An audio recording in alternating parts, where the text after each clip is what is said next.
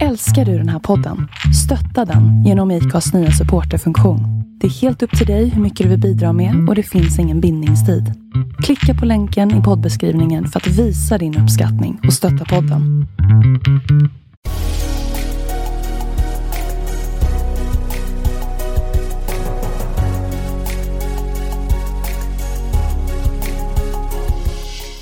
Välkomna till podden Vart är vi på väg? Med mig Jon Skoglund. Och med mig Jonathan Mellblom. I den här podden kommer vi intervjua framgångsrika sociala entreprenörer och experter inom ämnet socialt och impact entreprenörskap. Vi ger dig som lyssnare de bästa tipsen och den bästa inspirationen för hur man genom innovativa och entreprenöriella metoder kan hitta lösningar på samhällsutmaningar. Häng med!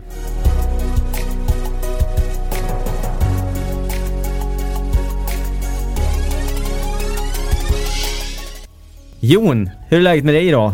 Det är bra idag, solen skiner som alltid när vi sitter i den här studion tycker jag. Ja men den gör ju det och eh, vad fantastiskt. Det läget är bra med mig också förresten. Tack för att du frågar. Ja just det, förlåt. Jag menar vad skönt att höra. Och eh, idag har vi haft en jättespännande gäst. Jens Karlsson som är eh, grundare av WashApp har vi haft ett bra samtal med.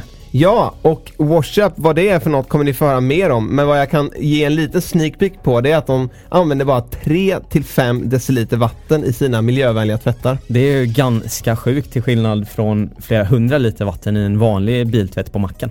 Ja, detta och mycket mer kring eh, bygga bolag och rätt personal och hur man söker finansiering kommer vi prata om idag. Ja, precis. Det blir ett grymt avsnitt. Vi kör igång. Det gör vi, häng med! Jens Karlsson, varmt välkommen hit till eh, Vart är vi på väg? Hur är läget? Tack så mycket. Jo men det är bara bra. Nice. Solen skiner. Solen skiner här på hotell Clarion Sign och eh, vi sitter här tillsammans och eh, ska ha ett fantastiskt samtal, hoppas vi. Ja men det tror jag absolut. Vi är riktigt eh, taggade på det här samtalet. Mm. Eh, vi har läst en hel del och eh, som vi pratade om lite när vi eh, satt här innan inspelningen så lyckas ju verkligen ni skapa impact på varenda såld produkt ni gör. Det går ju direkt in i, i för naturens bästa helt enkelt. Eh, men hur ser en typisk dag ut för dig? Du berättade här innan att du satt uppe sent igår och svarade på mail och han är ändå inte klart. Eh, ja, igår var faktiskt inte en typisk dag om jag säger så. Men eh, eh vanligtvis så, så går jag upp tidigt.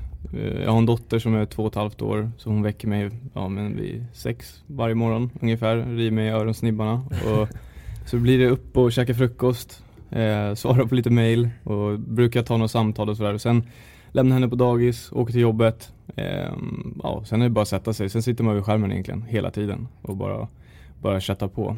Eh, och sen, sen nu på luncherna har vi börjat spela lite FIFA faktiskt. Mm. Så att, eh, det är jävligt kul också. Vart sitter ni någonstans? Vi sitter på, mitt på Medborgarplatsen i Söderhallarna. På MBC heter det. Okej. Hur Mm. går det på Fifa? Det står 2-2 i matcher så vi kör bäst av sju matcher gör vi. Jag och en kille som heter Mehmet eh, som är vår intern och eh, nej men just nu det är jävligt jämnt så det är jävligt roliga matcher. Är det så här att eh, det, det är ditt sätt att eh, visa din plats till de här internsen att eh, trycka ner dem på Fifa då? ja, men jag är ju bäst på pingis så det är ingen Okej. som kan slå mig där. Så, Nej, det så. Liksom, jag försöker hitta någonting där lite mer jämnt. ja just det. Ge de andra en liten chans. Precis. Vi kommer komma in lite mer på vad eh, du sysslar med idag med WashApp. Men eh, kortfattat, vad, vad, vad gör ni? Så det vi gör är, vi vänder väl upp och ner på hur man tvättar bilen idag. Så istället för att du liksom tar, åker med bilen till biltvätten, köper kanske avfettning, sprayar tills du är trött i fingrarna och sen när du kommer ut så är inte bilen ren. Eh, så, så tar vi bort allt det där. Att du fyller i bilens information och adress och laddar ner vår app såklart. Eh, sen kommer en av våra certifierade bilvårdare till bilens plats och tvättar den där. Eh, och vi har tagit fram en nanoformula då som ja, man sprayar den på bilens yta och den luckrar upp smutsen och sen har vi speciella mikroförbrukare med viss täthet och GSM som lyfter upp smutsen. Eh, på så sätt minskar man risken för repor och mikrorepor. Men eh, vi använder också bara cirka 2-5 deciliter vatten per bil då istället. Grymt! Mm. Det är verkligen eh, revolutionerande Ja. sätt att tvätta bilar. Så, så spara mellan 200 till 500 liter vatten. Ja. Mm. Shit. Och de som tänker att funkar det här verkligen? Precis, det är det som har, det är det första liksom folk tänker. Eh, och, eh, och vi- vissa är ju väldigt öppensinnade och testar direkt och liksom ja, vi får väldigt mycket wow, wow-effekt eftersom att resultatet blir mycket, mycket bättre än vanlig automattvätt. Eh, så att, eh, men sen har vi såklart alla de som inte tror att det funkar och eh, ja, de får vi motbevisa. Mm. Men idag så har vi gjort över 15 000 tvättar och vi får in en bokning varje tionde minut. Eh, så att ja, folk gillar tjänsten. Mm. Coolt alltså. Ehm, om vi backar bandet lite då, hur såg din uppväxt ut? Var, vart kommer du ifrån och vad har du fyllt den med? Shit, ska man göra en lång story short då? Men eh, jag är uppvuxen i Bro, som är väl en sju mil från Stockholm. Eh, uppvuxen i ett eh, radhus med två systrar och en bror och väldigt kärleksfull familj. Sen eh, skildes mina föräldrar tidigt, så det var inte lika kärleksfullt då. Men, eh, Mm. nej, men så flyttade vi till Br- eh, Bålsta, som är ja, grann, grannkommunen. Eh, flyttade in där, min mamma bodde jag med i en etta, så bodde med henne väldigt länge, sov i samma säng liksom. Eh, och sen bodde jag med min pappa, så det var varannan vecka. Eh, därefter, efter ett tag, så flyttade vi faktiskt till Farsta. Så det var mycket flytt. Växte upp där då istället, träffade nya kompisar igen. Eh, och eh, där faktiskt så bodde både min, min syster bodde på 24 mamman på 26 och pappan på 28 Så det var en ren slump så bodde liksom, ja, hela familjen, liksom porterna bredvid varandra. Oj, Vilket var lite roligt. Ja. det var inget eh, superplanerat eller? Nej, nej, verkligen inte. Det var, syrran flyttade dit bara och sen letade ju morsan och farsan efter lägenhet i Farsta. Och eh, ja, fick då precis på samma gata liksom bredvid varandra. Så det var lätt för dig då? Ja, ja det var väldigt Då lätt. hade du hela... När man körde varannan vecka liksom. Och mina föräldrar var alltid väldigt bra kompisar efter, liksom, efter de skildes. Så det, det har alltid funkat hur bra som helst. Mm. Sen eh, Hur gammal var du då när du flyttade till Farsta där? 12 Mm. tror jag var. 12-13. Just det. Så du hade tonåren där Mm, kan man säga? precis. Sen eh, flyttade jag till Skogås. Mm. Så ytterligare en flytt då. Okej, men eh, i Bro och Bålsta där, du växte upp där fram till tonåren. Vad, eh, hur såg de åren ut? Höll du på med någon idrott eller musik eller eh, ute och byggde kojor? Ja, men eh, jag gjorde väl allt man kan tänka sig egentligen. Eh, allt från att försöka, jag var väldigt, eh, eh, väldigt intresserad av pengar och tjäna pengar på sen tidig ålder. Jag spelade hockey, men sen gjorde jag allt vid sidan av för att tjäna pengar. Eh, vissa lite, lite mindre lagliga om man säger så än andra. Men det kunde varit så här, jag kommer ihåg i Bålsta så, så samlade jag lite pantburkar och märkte jag direkt att ja, men det var en kille som alltid kom och skrev när pantburksautomaten slutade funka så kom han och skrev en lapp. På så, ja men det här var 100 kronor, så skrev han en lapp med sin signatur. Ja, så då, då såg jag ju det här och, och, och tog tillfället i akt och liksom, ja, men tog ut den här lappen, hade en penna med mig, skrev en signatur och så gick jag till kassan då och fick ut 100 spänn. Preskriberat nu ja kanske? precis, nu är det preskriberat. Eh, ber om ursäkt Ja. till de butikerna. Men eh, det fanns ändå en, en vilja av att tjäna pengar, entreprenörskapet kanske kom in tidigt där då? Precis, alltså det, det var väl inte liksom supersnyggt men eh, sen var det allt med, allt från att säga, men jag kunde köpa cykel till att göra om cykeln och sälja den vidare Ja. och ja, väldigt mycket sånt. Har du haft det här i familjen, liksom familj, alltså föräldrar eller sådär? Eller vart tror du det Ja, har min- kommit ifrån? Mina föräldrar drev en bilskola i Bro. Eh, så de har ju varit väldigt, och lite andra grejer också. Min farsa har haft en taxifirma och sånt. Så, ja, men ganska entreprenöriellt så- av sig. Sen startade min pappa och min syster ett musikproduktionsbolag eh, i Linköping. Så jag har varit med mycket och, och sett hur, hur, hur de har gjort och sådär. Eh, och eh, ja, ja, men eh, jag kanske har varit lite mer av en, en hustler i hela, hela min uppväxt. Sen speciellt när jag flyttade till Farsta så, så gjorde man ju massa andra grejer då istället för hockeyn kostar ganska mycket. Mm. Och köpa dyra hockeyklubbor och liksom, lite sånt är inte, det är inte superenkelt. Mm. Ehm, Fick du tjäna ihop dina egna pengar till sporten eller hur? Fick du mycket hemifrån eller hur? Ja, men jag, jag fick ju hjälp av, eh, av morsan och farsan till den mån det gick. Ehm, och sen eh, allt annat runt omkring var självfinansierat. Så liksom, eh, ja, men köpa bil var själv och liksom, Mm. sådana här saker. Eh, men sen tidig ålder så var det också samma sak där. Att man man eh, gjorde allt möjligt för att få ihop pengar. Liksom. Eh, man vill inte vara en fattig, fattig kille i Farsta. Liksom. Eh, Mm. Så det, det var väl allt från att jag kunde köpa billiga knivar på Jula och sälja dem skitdyrt liksom, till andra kompisar. Och jag, ja, men, jag, alltså, jag lyckades få tag på en nyckel till ett cykelrum där det var stor massa parkerade cyklar och liksom sprayade om dem och sålde dem på Blocket. Alltså, det var mycket sådana saker. Och, Jag kan nämna hur mycket stories som helst. Alltså, jag köpte motorcyklar, gjorde om dem. För jag gillade att mecka. Farsan lärde mig tidigt att, mecka och sådär. Så, eh, ja, men så fort jag såg att jag kunde tjäna pengar på någonting. Så jag köpte en motorcykel för 2000 spänn och så här, sålde den för typ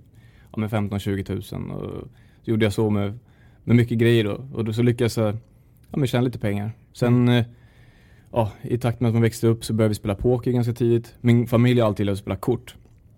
Så då, um, poker var något som funkar för då, då, jag har alltid varit den här att desto mer jag tränar desto bättre blir jag. Ehm, och poker var en sån grej där jag såg att ja, men, här kan man tjäna pengar ganska snabbt genom att jag tränar och blir bättre än alla andra. Ehm, så då började jag spela väldigt mycket poker.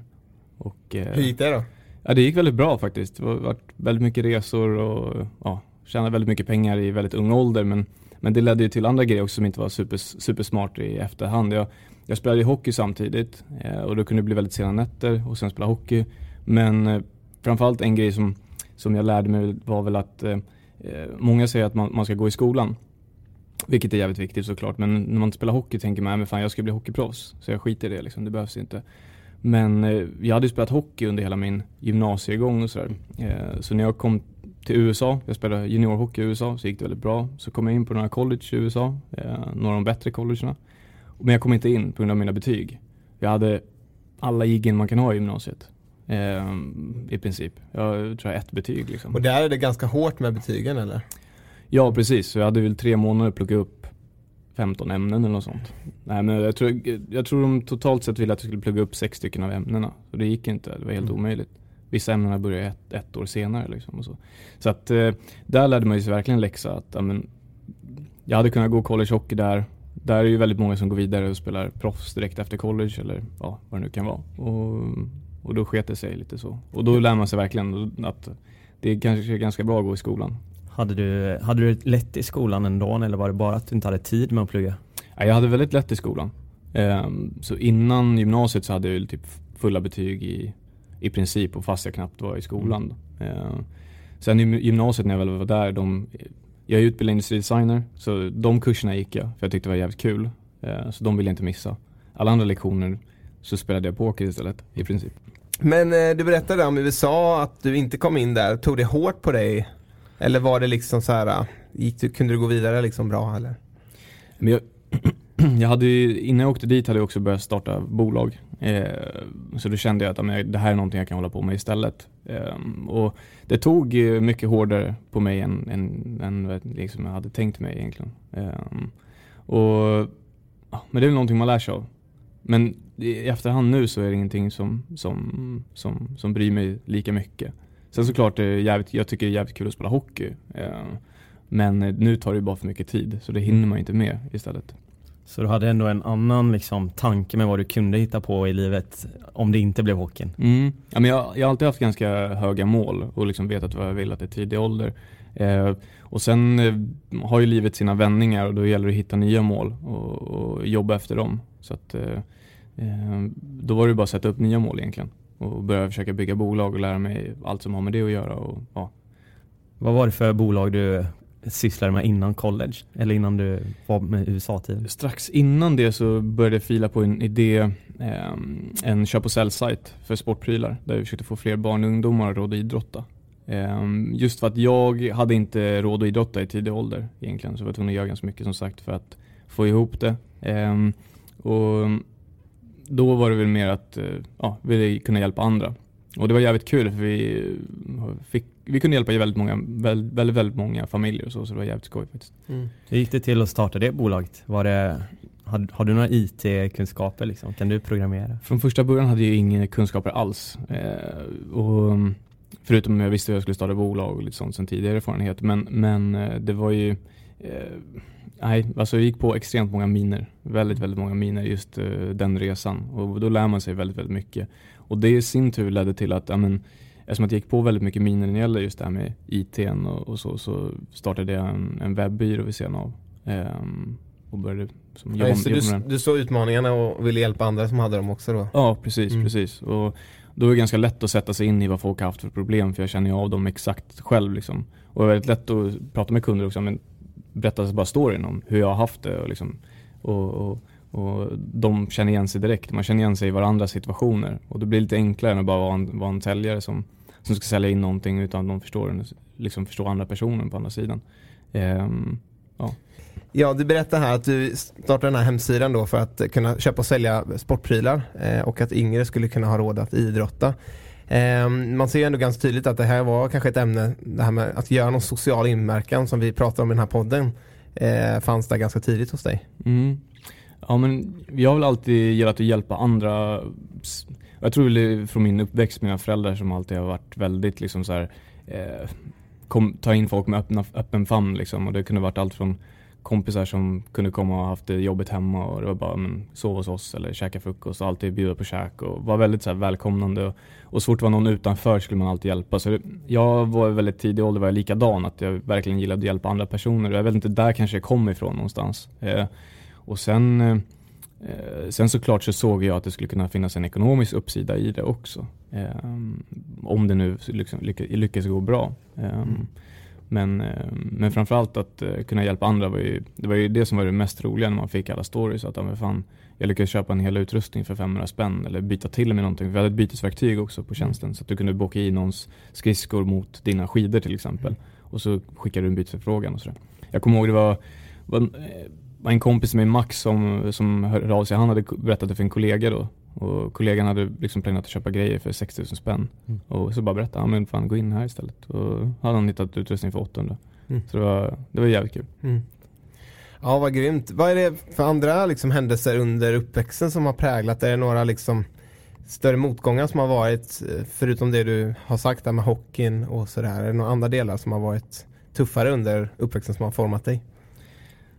Alltså Ja men mycket grejer kan man mm. säga. Mycket mm. små grejer hela tiden, lite större saker. Um, allt från uh, familjerelaterade saker. Min mamma fick en hjärnblödning tidigt. Uh, pappa fick, uh, fick struma och under tiden hade de ett bolag också ihop. Så det var ju väldigt svårt för dem att få ihop saker och ting. Mm. Um, till att ja, men, byta skola och klass väldigt, väldigt många gånger. Skapa nya vänner. Kommit till Farsta där det var väldigt, väldigt annorlunda från att vara den här trygga lilla skolan i, i Bålsta. Vad var den största skillnaden där? Största skillnaden? Vi hade ju väldigt många olika nationaliteter så det var väldigt mycket kommunikationsbrister om man säger så. Det var väldigt mycket bråk, slagsmål och sånt mm. hela tiden, varje dag.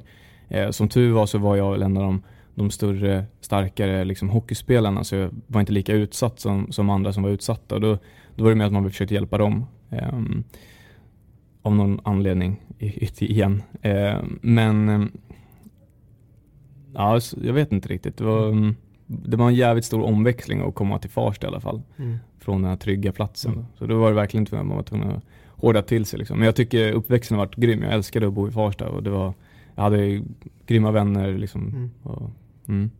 Vad hette den här köp och säljsajten? Dilio. Dilio. Mm. Finns den kvar idag? Finns kvar idag. Okej. Okay. Um, har du, är du kvar i bolaget på något sätt?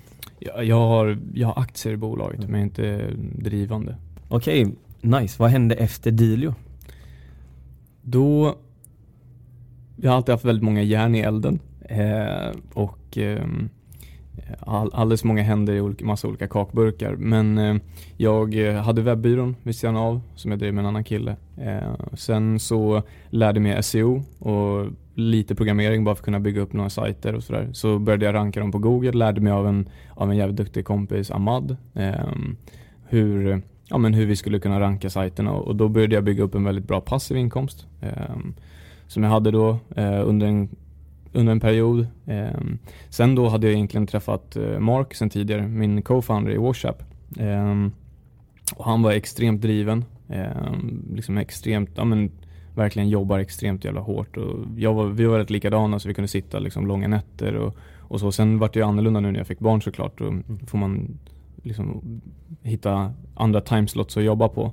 Ehm, men eh, vi klickade väldigt bra. Sen startade vi en annan grej tillsammans vilket var ett, eh, eh, ett energidrycksbolag där vi en gemensam kompis till mig, jag spelade hockey i ett lag och han visade mig den här drycken och jag bara fan vad god den var liksom. Och såklart min, min pengareptilhjärna och bara hur kan jag tjäna pengar på det här liksom. Och såklart fanns det ett sätt att tjäna pengar på det här. Eh, och då var det ju sånt här multilevel marketing grej. Eh, och eh, Mark älskar den här drycken också och körde samma sak och, och då började vi faktiskt, vi jobbade ungefär i samma team men då började vi jobba på det ett tag. Eh, och då körde vi så 90 dagars sprintar där vi inte gjorde någonting annat än att bara liksom tog hem folk till oss och hade presentationer. Och, liksom, och då hade vi ett helt gäng med andra distributörer som sålde det här åt oss då, och, och, och så kunde vi bygga upp det på så sätt. Eh, men det är ingenting vi håller på med idag. Uh, men det var jävligt kul för det var verkligen man var tvungen att kliva ut sin comfort zone och, och göra någonting helt annat. Jag har alltid gillat sälj. Mark har aldrig varit en säljare så han var ju verkligen kliva ut ur sin comfort zone ännu mer och han var ju också den här hockeyspelaren då och mm. spelade i Luleå SHL då och skulle ta hem folk liksom till sig och, och sälja in där så det var verkligen han, eh, han gjorde verkligen klev ut sin comfort zone. Var det lite utmaning för han då som kanske var en offentlig person på ett sätt? Ja, att bjuda hem folk då, det var väldigt kanske lite stjärnstatus att få komma hem till han kanske? Ja men verkligen, men han gjorde det jävligt bra. Så. Han, är så, han, är, han är en riktig jävla grinder. Eh, rätt mentalitet på alla olika fronter. Eh. Hur träffades ni? Vi träffades faktiskt via ett sånt event kan man säga, via en kompis. Och Ja, det första gången vi träffades bara, bara så här, fan, vi måste börja hänga mer liksom. Vi, det klickade jävligt bra. Eh, och på den vägen var det. Sen hade vi lärt känna, sen kände vi varandra innan sen gemensamma kompisar. Han spelade hockey, jag har ju spelat hockey. Träffades i, liksom, ja, vi träffades uppe första gången på Djurgårdens, i deras omklädningsrum där. Eh, på Globen, eller på Hovet. Eh, och eh, ja, ja men det klickade bra. Så då började vi köra och sen eh, trä, har vi tränat väldigt mycket ihop innan han började spela hockey i i Luleå och sådär så tränade vi väldigt mycket ihop och han var ju alltid den här som, ja men om jag ville köra tre pass ville han också köra tre pass. Eller han kunde köra fyra istället. Han var ju liksom extrem på så sätt. Eh, och och eh, då kände jag att han har jävligt, väldigt rätt mentalitet liksom och kommer kunna bygga någonting stort. Så. Och sen ville vi göra någonting tillsammans. Så då började vi bolla mycket idéer. Eh, så när jag, var, när jag var 15 år då så jobbade jag som bil, biltvättare hemma hos Niklas Sennström som kunde ha Skype mm. eh, och tvättade hans bilar och båt. Mm. Eh, så han hade alltid en ren bil när han åkte in till stan. Då skrev vi upp idéboken, i min idébok att ja, men, ta biltvätten till dig. Och sen när vi boll, började bolla lite idéer då, jag och Mark, eh, så, så sa det, fan vi, vi gör det här. Och det tyckte inte Mark lät speciellt sexigt, starta en biltvätt liksom, såklart. Mm. Eh, men sen tyckte han att, och sa väl att, men fan vi gör det här lite likt Uber. Eh, så varför inte typ? Och så började vi titta lite på modellen och, och marknaden och, och sådär. Så såg vi att om, fan, om inte vi gör det här kommer någon annan göra det här för oss. Och då så vi startade. Mm. Och då la jag ner allting annat. Liksom. Allt annat. Så fokuserade liksom 300% på årsköp. Och då var det väldigt, väldigt sena nätter. Då hade inte jag barn heller. Och Mark bodde i Utah då i början. Så det var det ju extremt långa nätter som att tidsskillnaden var på åtta timmar. Eh, men, eh, men det var jävligt kul. Mm. Det var jävligt kul. Den här eh, känslan när du kom på Wash App-idén var det, kände du någon skillnad mot eh, energidrycken eller Dilio liksom, nu brann det till på riktigt och att du trodde på det lite extra? Eller? Det som jag kände var ju att det var någonting helt nytt, ja. liksom, något nyskapande. Ehm, och det var väl det vi ville göra. Vi hade några andra idéer som vi tyckte var liksom väldigt bra också, mm. men det här var liksom det som verkligen stod ut. För att det här var verkligen nyskapande, nytänkande och ett helt nytt sätt att tvätta bilen på. Mm. Men med Dilio så var ju det, det var ju väldigt nyskapande också, för vi höll på med en plattform som var extremt olik från till exempel Blocket då, som var väldigt stort. Vi hade, ja, men förutom det här Beats-verktyget så kunde man chatta med användarna direkt på sajten och ja, men, notifikationer och liksom, ja, men allt som var väldigt, väldigt ifrån liksom, Blocket. Mm. Och lite, lite kanske för nyskapande på så sätt. Eh, sen har vi massa andra funktioner som var väldigt häftiga. Men eh, så det var ju också väldigt, väldigt nyskapande eh, och nytänkande på så sätt. Men ändå liksom plattformen finns redan och, och så. Biltvätt, samma sak. Biltvätt har funnits ganska länge men väldigt traditionellt innan.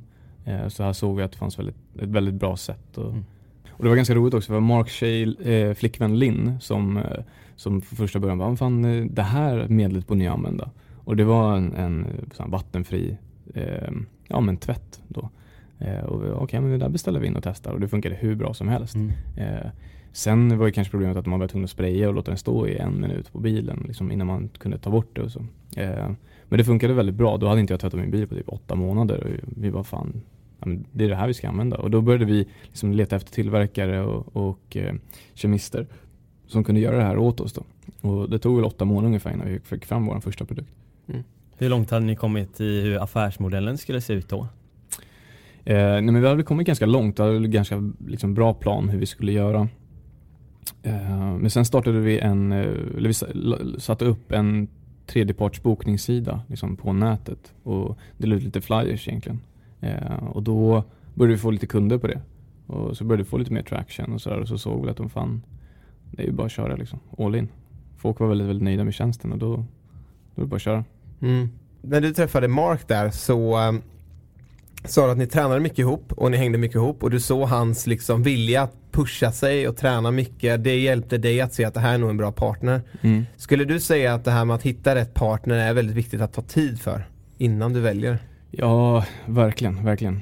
Ehm, och bolag som jag haft tidigare så kanske inte alltid varit rätt liksom, för att båda inte haft lika mycket tid att lägga på, på projektet och sådana saker. Ehm, men däremot så, det med Mark var ju att eh, vi är väldigt osvenska på, på så sätt att vi, vi, vi, vi kan stå och skrika på varandra Eh, och för vi kan vara oense och, och sådär. Eh, nu väldigt sällan som vi står och skriker på varandra. Men, men att vi alltid är kompisar efteråt. Liksom. Eh, och att man inte tar det personligt. För att man försöker faktiskt komma fram till någonting som är, ja men vad är det mest logiska svaret och vad är det vi kommer försöka komma fram till.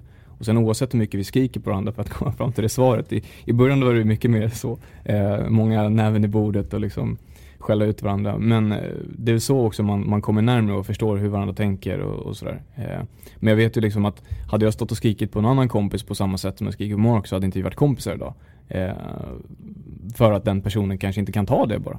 Och det är någonting som jag tror att man måste verkligen förstå och liksom kunna urskilja. Att, men, det handlar, vad handlar det här om? Det handlar om det större, den större bilden, att vi försöker bygga någonting större. Det handlar inte om oss två och liksom hur vi ska vara. för att Eh, ja, så det, det, det, funkar sjukt bra på så sätt. Och så tänker vi väldigt likadant. Och, och mm, jag tycker han har he, helt rätt eh, bild att se på världen och sådär.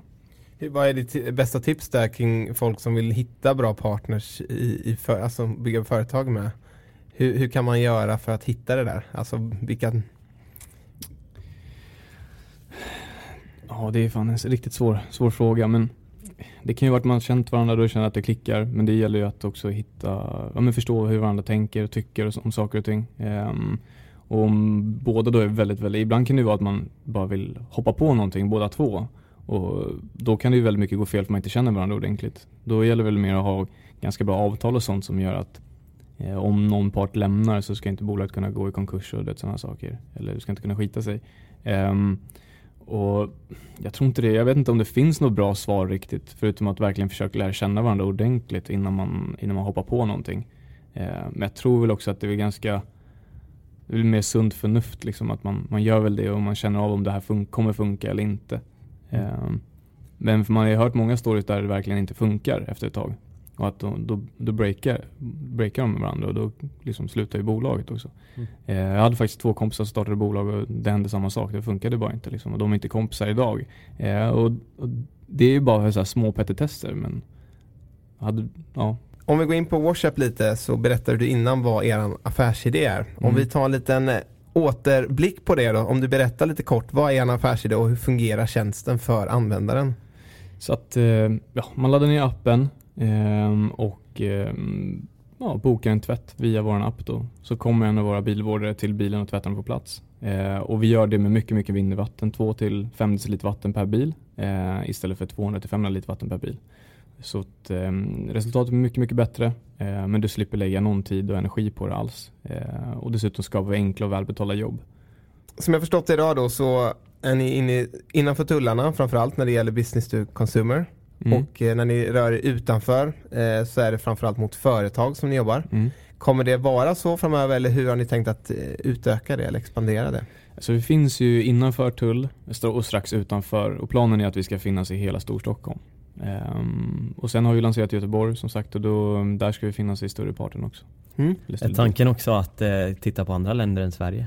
Ja, ja men vi, vi får ju mycket förfrågningar från olika länder idag, vilket är skitkul. Eh, och vi tittar väl på, det vi tittar på nu är Oslo, eh, London och eh, Berlin. Eller några andra städer i Tyskland också faktiskt. Men eh, så det, det är planen nu, att eh, expandera. Grymt. Är det en stor eh, process, en stor motor att, att dra igång i en ny stad eller har ni ett ganska bra koncept som går att skala enkelt? Så vi har satt upp en playbook som vi har testat oss fram till som funkar jävligt bra nu. Ehm, och det som är ganska häftigt är att vi behöver inte, vi är inte beroende av en tredje part, till exempel restauranger eller så som kanske Foodora eller Volt eller Uber Eats är. Ehm, så vi behöver inte göra några pre-sales innan vi faktiskt kan starta i en stad. Ehm, vi har ju allting in-house och kan bara starta och bara få in bokningar direkt. Så det är mycket enklare på så sätt. Men det, det vi behöver göra är att rekrytera bilvårdare på plats. Så vi behöver ha någon där ja, men en city manager som, som rekryterar folk. Och det är ju ganska likt Uber-modellen då. Mm. Ja, vad spännande. Hur har ni jobbat med finansiering? Eh, det är också något vi vill lyfta här. Liksom, för många kan ju sitta ute och kanske fundera på olika företagsidéer eller de tänker på att ja, men ja, men det är väldigt mycket kapital som kan krävas eller hur ska jag få in pengar, vem ska jag rikta mig till? Måste jag bo i en storstad för att få investerarna att bli attraherade av min idé eller sådär. Men hur har ni jobbat med det? Så, eh, det, vi, det vi egentligen har gjort är väl egentligen att i början så handlar det mycket om att visa proof of concept och att kunder faktiskt gillar det här.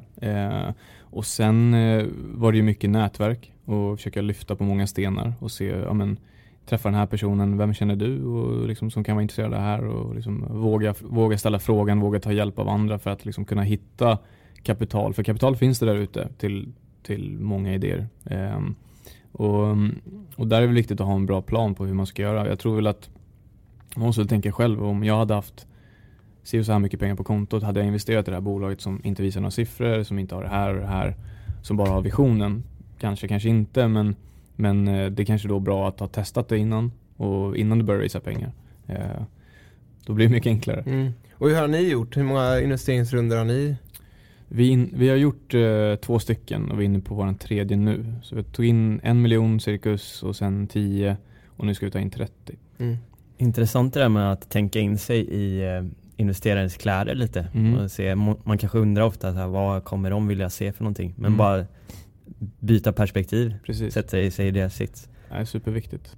Investerarna, är de också intresserade av hur ni, på vilket sätt ni har impact? Mm. Att äh, mäta det mm. eller följa upp, hur ser det ut? Ja men verkligen, vi har haft turen att vi faktiskt ska kunna välja vilka investerare vi vill ha med i bolaget egentligen sedan start. Eh, och eh, Där har vi verkligen kunnat välja investerare som ja, som verkligen bryr sig om det vi bryr oss om också. Så att de verkligen tror på affärsplanen, förstår visionen och det här. Eh, och det är väldigt viktigt att ta in rätt investerare. Eh, och där har vi fått in ett fantastiskt gäng. Eh, så att, eh, och det sättet vi mäter impact på nu är ju liksom antal liter vatten vi sparar eh, och sen eh, hur många jobb vi skapar. Mm. men sen har vi också på med en livscykelanalys så vi kommer kunna se hur mycket CO2 vi sparar, hur mycket energi till exempel jämfört då med en automattvätt som då har en väldigt stor station som slösar mycket energi och etc. etc. Och vi slösar ingen bensin som du behöver ta liksom, till automattvätten etc. Så um, vi kommer ha fler mätpunkter på det också. Men just nu har vi de två som vi främst mäter. Du sa något intressant innan också att eh, ju mer bilar vi tvättar desto mer impact gör vi. Det är ju faktiskt också ett väldigt intressant synsätt att eh, Precis. Vi behöver inte mäta utan det, mm. det ena ger det andra. Ja men precis, vi, vi behöver inte plantera träd för att bli liksom, eh, eh positivt, eh, klimatpositiva till exempel. Vi behöver inte göra vissa grejer, eller, ja, vi behöver inte donera pengar och sådana saker för att göra det bra. Vi kan ju göra det också men, men här faktiskt, desto mer vi växer desto mer impact gör vi och det blir väldigt, ja, men det blir väldigt attraktivt på så sätt att ja, men desto mer pengar vi tjänar desto mer bättre är det för samhället också. Mm. Ja, alltså jag tycker det är väldigt eh vad ska man säga, förvånansvärt om man säger med just att hur lite vatten ni gör av med. Alltså det är, vi var inne på det lite innan också med att människor tror inte att det här funkar liksom. Mm. Utan så här, men, vad säger du, 2-5 deciliter vatten. Precis. Det är, så här, men det är knappt vad jag dricker i ett glas liksom. Ja. När jag är lite törstig. Ja men verkligen. Vi, eh, det är väl det också, många är ju, många är ju close-minded idag. Det är ju så, man måste verkligen våga vidga vyerna. Jag menar, varför skulle någon starta och göra det här om det inte funkar till exempel? Så det gäller ju verkligen att försöka ställa andra frågor och bara vara den här skeptiken hela tiden. Eh, och det är inget fel att vara en skeptiker heller. Eh, men eh, våga, våga prova. Ehm, det är superviktigt. Men eh, vi, liksom, jag brukar säga också ibland, som jag brukar ha ett, ett sätt att säga på, eh, är väl att folk tror, tror att tåget låter tufft tufft. Men sen när du går ner till tunnelbanan så låter det något helt annat. Och det är lite så liksom, i mm. själva mindsetet att du tror att det är på ett visst sätt för att det har funkat så väldigt länge sedan tidigare. Och då kan det inte vara på något helt annat sätt. Vad är din största utmaning till alla biltvättar som finns nu? Jag tänker alla de här uh, bensinmackarna som har de här automat, automatiserade biltvättarna. Mm. Vad, vad, tror du man kan göra med dem i framtiden? Är det att byta ut dem mot uh, folk eller företag som er? Ja, alltså det som är ganska häftigt med vår affärsmodell är att vi faktiskt tar jobben från maskinen och ger dem till människan. Eh, för ofta är det, ganska, är det ju tvärtom, att man tar jobben från människan och ger det till maskinerna för att effektivisera. Men här blir det verkligen tvärtom. Eh, och vi gör ju ett mycket bättre resultat eh, och sparar väldigt mycket mer vatten. Eh, sen tror inte jag att automattvättarna kommer försvinna.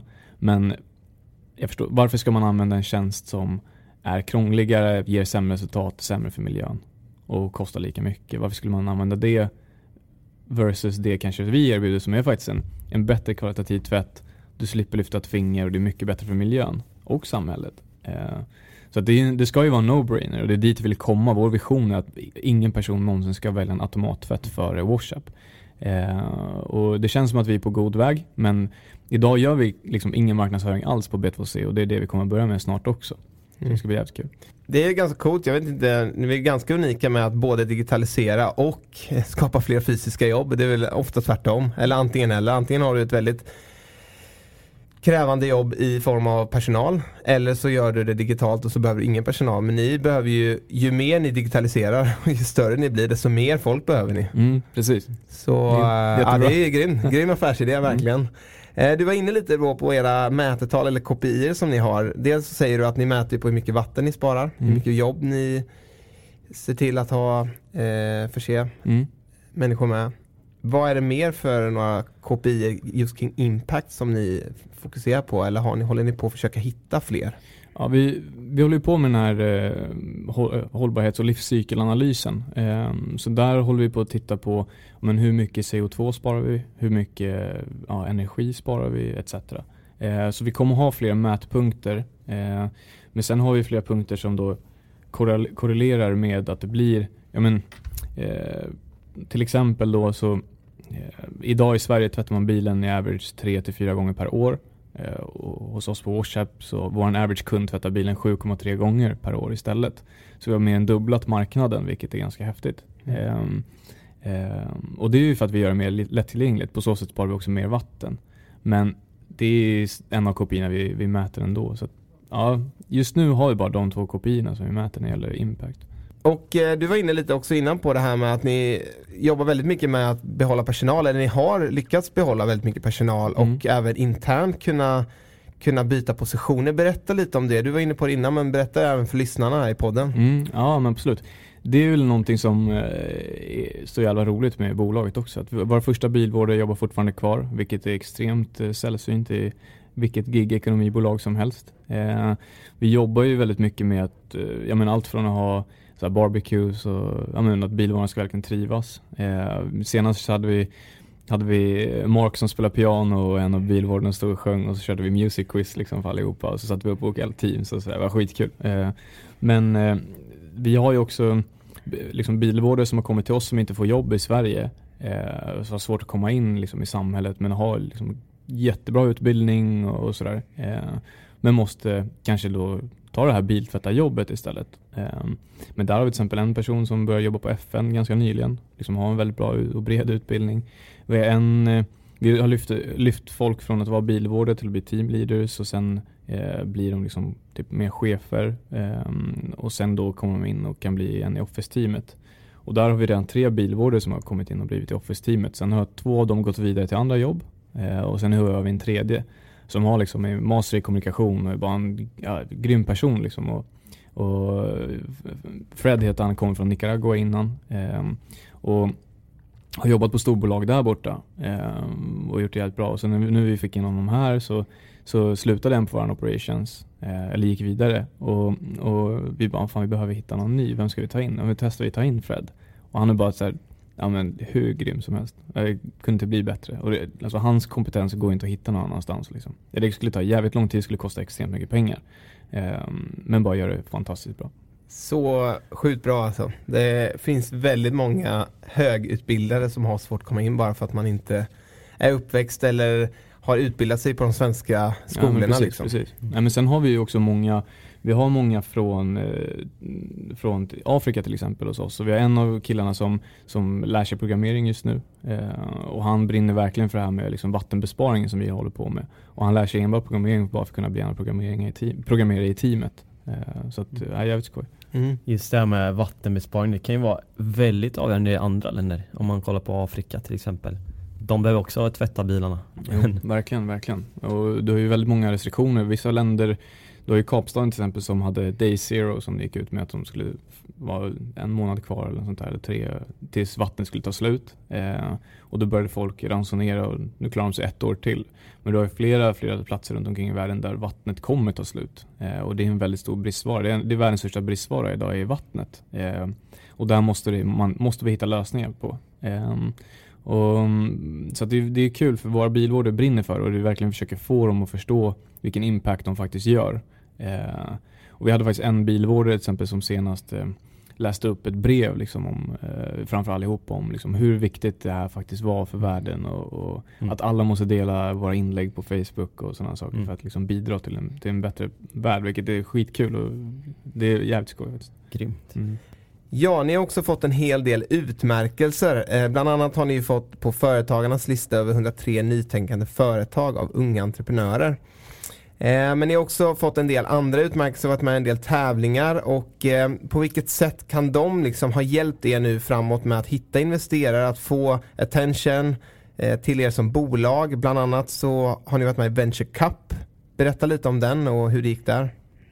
Ehm, ja men de här utmärkelserna hjälper väl de, de hjälper ju. eh, om det blir så att det är någon som hör av sig för att de ser och sådär. Och det har ju hänt i princip varje gång vi har vunnit någonting. Vi har vunnit eh, en, en, del saker vilket är kul. Eh, men Venture Cup var väl eh, där söker man in och så är det väldigt många i en, en jury då, eh, eller en kommitté som, som väljer ut massa bolag som får komma och pitcha. och av de bolagen som får komma och pitcha så är det några få som tas ut då till regionsfinalen i olika regioner i Sverige. och då vann vi regionsfinalen då Eh, och så vann, då får, vinner man även pengar faktiskt via SCB som, som är och sponsrar. Eh, sen eh, då kom vi vidare till, till, finalen och där vann vi årets Game Changer. Um, och även publikens pris. Så vi fick faktiskt fria resor med SJ ett helt år för fyra, nice. fyra personer. Grymt med tanke på expansion och sånt. Verkligen, verkligen. Det hjälpte sjukt mycket faktiskt. Um, Nej, men så då var det ju mycket investerare också som, som hörde av sig. Några man träffade där som man också håller kom, kontakt med faktiskt fortfarande idag, eh, vilket är skitkul. Så det är ju mycket, alla de här eventsen träffar man, lyckas man ofta träffa, träffa någon och liksom networking ger ju väldigt, väldigt mycket. Eh, mm. faktiskt. Skulle du säga det att det är viktigt att ta sig ut på, på de här olika eventen som finns oavsett om man är med som tävlande eller om man bara är med som en åskådare. Verkligen, verkligen. Vid förra bolag jag drev, så, bolag jag drev så var, det var vi aldrig på några events eller någonting så att man lyckas inte utöka sitt nätverk liksom speciellt mycket. Men att vara och ställa upp i lite tävlingar och vara på lite sådana här jag, jag är inte den som förespråkar att vara med i tävling heller för jag tycker inte att vinna en tävling är det som bygger bolaget. Så jag egentligen försöker att inte vara med i tävlingar, de som tar väldigt mycket tid. Ehm, men, eh, men kan det ge PR och sådana saker så, så varför inte? det är när man sitter på en affärsidé så kan det vara väldigt eh, så här frestande att eh, tänka att man vill bara behålla den för sig själv och inte dela med sig av den.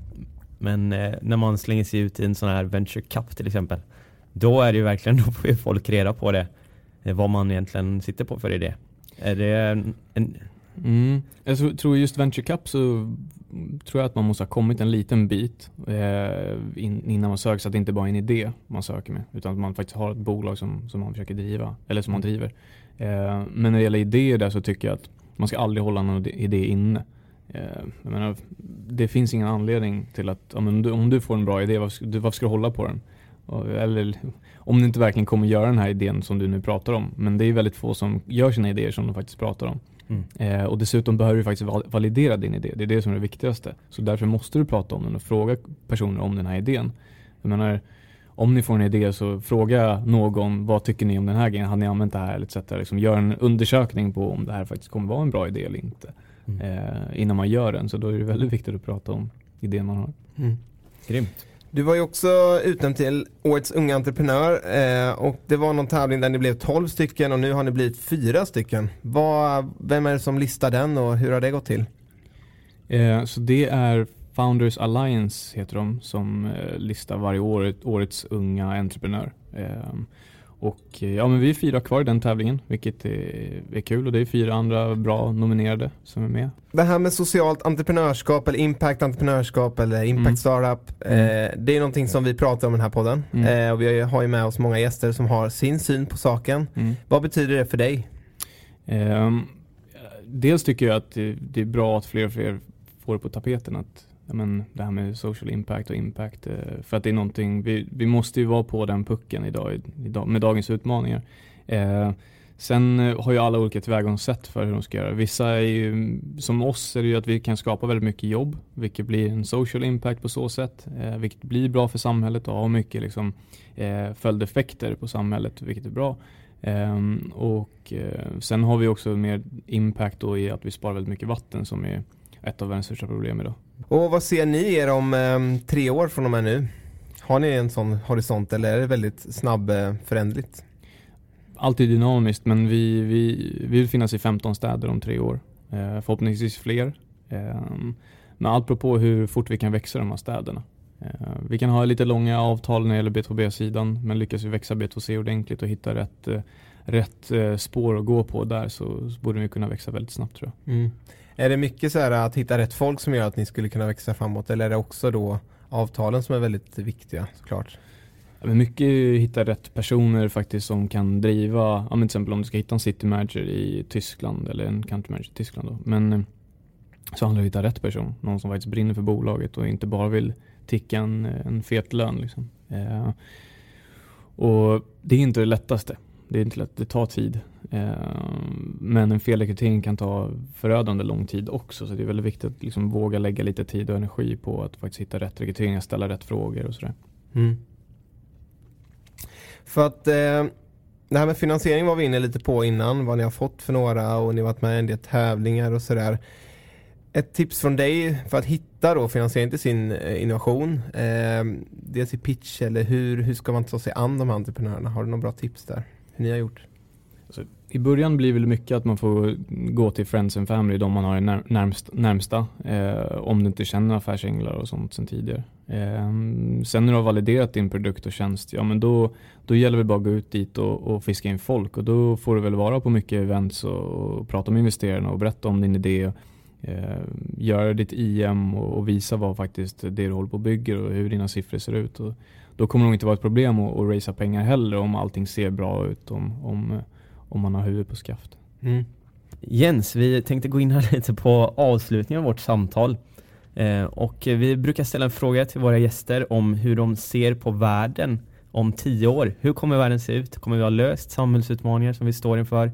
Eller kommer vi ha nya att lösa? Vad, vad tror Mm. du? Det är våran 10 000 kronors fråga här. Mm, jag förstår.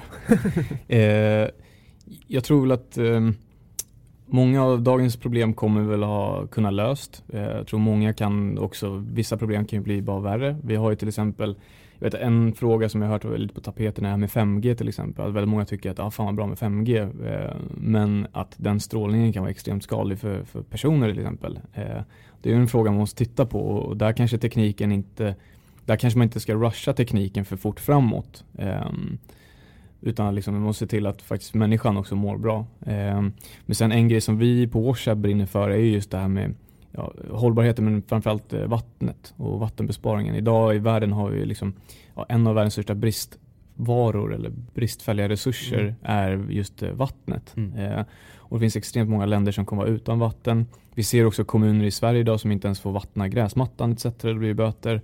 Eh, och Sverige är ett av länderna som har mest vatten.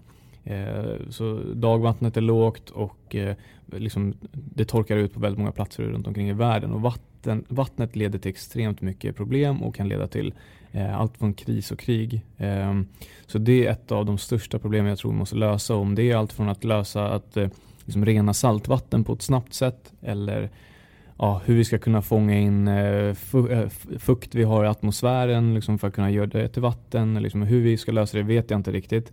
Ehm, men jag tror i alla fall WhatsApp, om, om vi lyckas bli väldigt stora så tror jag att vi kan enabla mycket till att vara med och i drivkraften i, i att kanske hjälpa andra bolag att kunna lösa de här problemen om vi blir så pass stora att vi kan sätta upp fonder och sånt för att kunna hjälpa andra bolag vore fantastiskt roligt. Men men eh, jag tror också att världen är på, på, väg mot att vi vill släppa ut mindre CO2 och då måste de bol stora bolagen ställa om.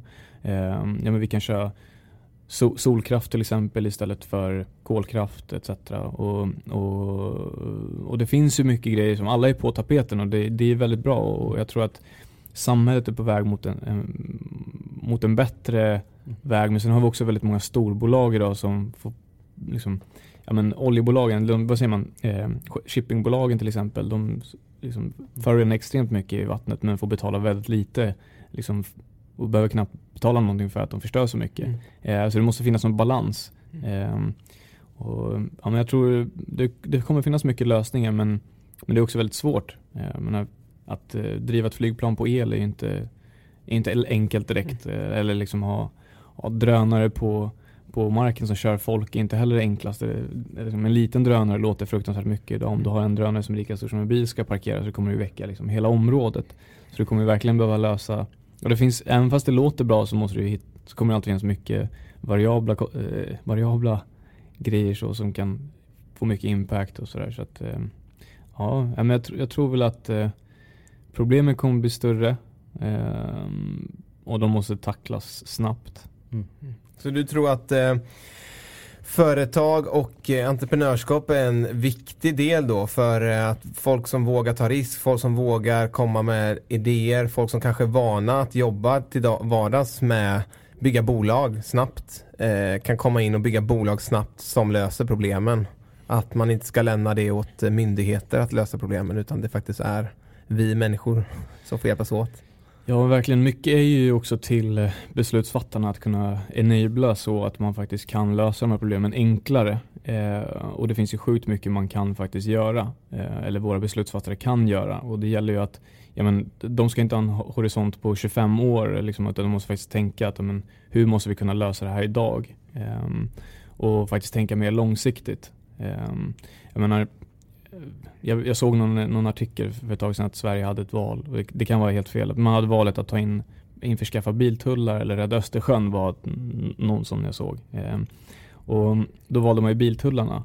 Men kostnaden efter ett visst antal år är att det har kostat mer ändå för att Sverige kan få så mycket in intäkter på att Östersjön mår bra istället. Mm. Eh, så väldigt dum, dumdristigt kortsiktigt tänkande liksom kommer inte lösa någonting men att man ändå måste tänka kortsiktigt på hur man ska kunna lösa de större problemen längre fram. Mm i allt från finansiera och liksom mindre bolag till att eh, ja, men, folk som har bra idéer måste kunna måste enkelt kunna få dem att funka också.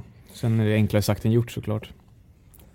Yes, det var intressant det du var inne på med att storbolagen också har en stor och viktig roll. Mm. Ja, I och med att det är de som sitter på de stora pengarna, de stora resurserna att det är den stora kranen som måste också vridas om. Mm. Vi här i Stockholm kan åka runt på våra sparkcyklar här men mm. det, det är så viktigt att även de är med på tåget. Verkligen. Det är ju väldigt mycket dubbelmoral i samhället liksom, på alla olika möjliga fronter. Eh, man, bolag vill tjäna pengar så då kanske köpa in billiga kläder och så visar att det är barnarbete. Liksom. Men man stödjer inte barnarbete men du stödjer det ändå indirekt genom att du köper in kläder från mm. det här företaget för att du ska kunna tjäna mer pengar själv.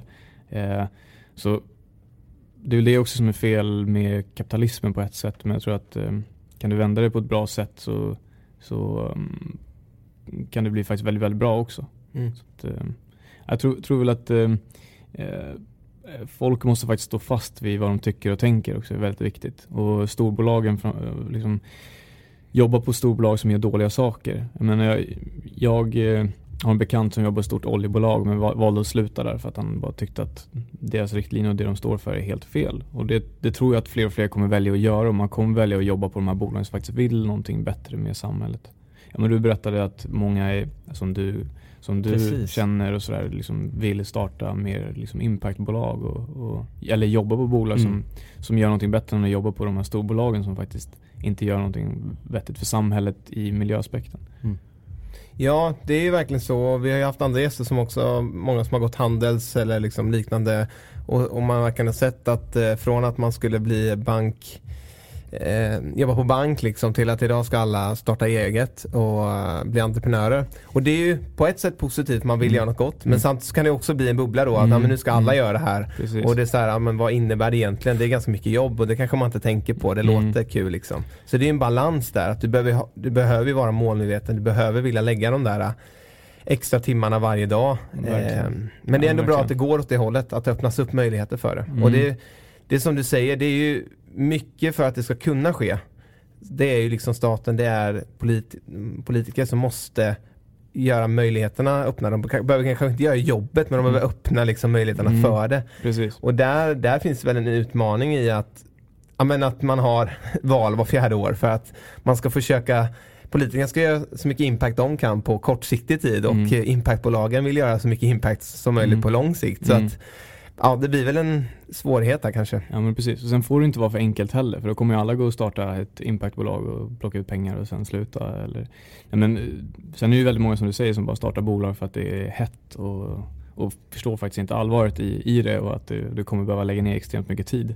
För de tror fortfarande att jag kan jobba 7 till 4 och sen gå hem men realiteten är verkligen något helt annat. Eh, och jag tror inte det är många som egentligen vet om det eller de tror att det är helt annat. Men desto mer tid och eh, liksom energi du lägger ner på det desto mer, desto mer kommer du få ut. Så att eh, ja, allt beror Mm. på hur man är som person och sådär också såklart. Yes, då kommer vi till de sista frågorna då. Vi brukar eh, be om lite tips då, för det finns ju säkert många där ute som lyssnar på den här podden som är intresserade av att kanske starta något eller är i startgropen. Ehm, och vi vill ju hjälpa dem, delvis med den här podden, att liksom kunna hjälpa entreprenörer eller soon to be entreprenörer eh, Eh, att komma igång. Och vad är dina bästa tips då för de som vill komma igång med en startup och samtidigt lösa någon typ av samhällsutmaning?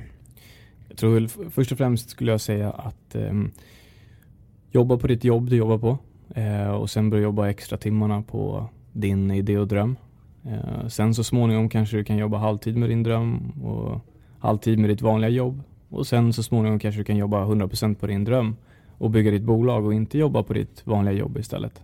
Ehm, och det krävs ju extra hårt jobb för att komma dit. Ehm, men sen också så, så eh, Vi har ju kommit väldigt långt idag i samhället att det är enklare att starta bolag idag och det är enklare att köpa in produkter och enklare liksom eh, egentligen göra allting. Så att eh, det enablar ju också det här med att starta bolag och komma på idéer och sånt där. Och när det gäller just impactbolag och starta någonting på den fronten så kanske folk inte ser att det är lika mycket pengar eller man kanske inte ser att det är lite, lika enkelt för det är svårt att raisa pengar till, eh, till cleantechbolag eh, generellt sett. Och, och det kanske avskräcker och därför behöver man ju hjälp från, från andra liksom, eh, statliga liksom, bidrag och sånt som det finns. Och, och sånt är ju bra att det finns. Eh, men det kanske borde finnas ännu mer till, till dem. Vi har aldrig fått något bidrag eller sådär. Eh, och vi är inte de bästa på på, på söka in eh, och skriva rätt saker i texterna till exempel. Men eh, vi, vi, vi gör extremt stor nytta för samhället.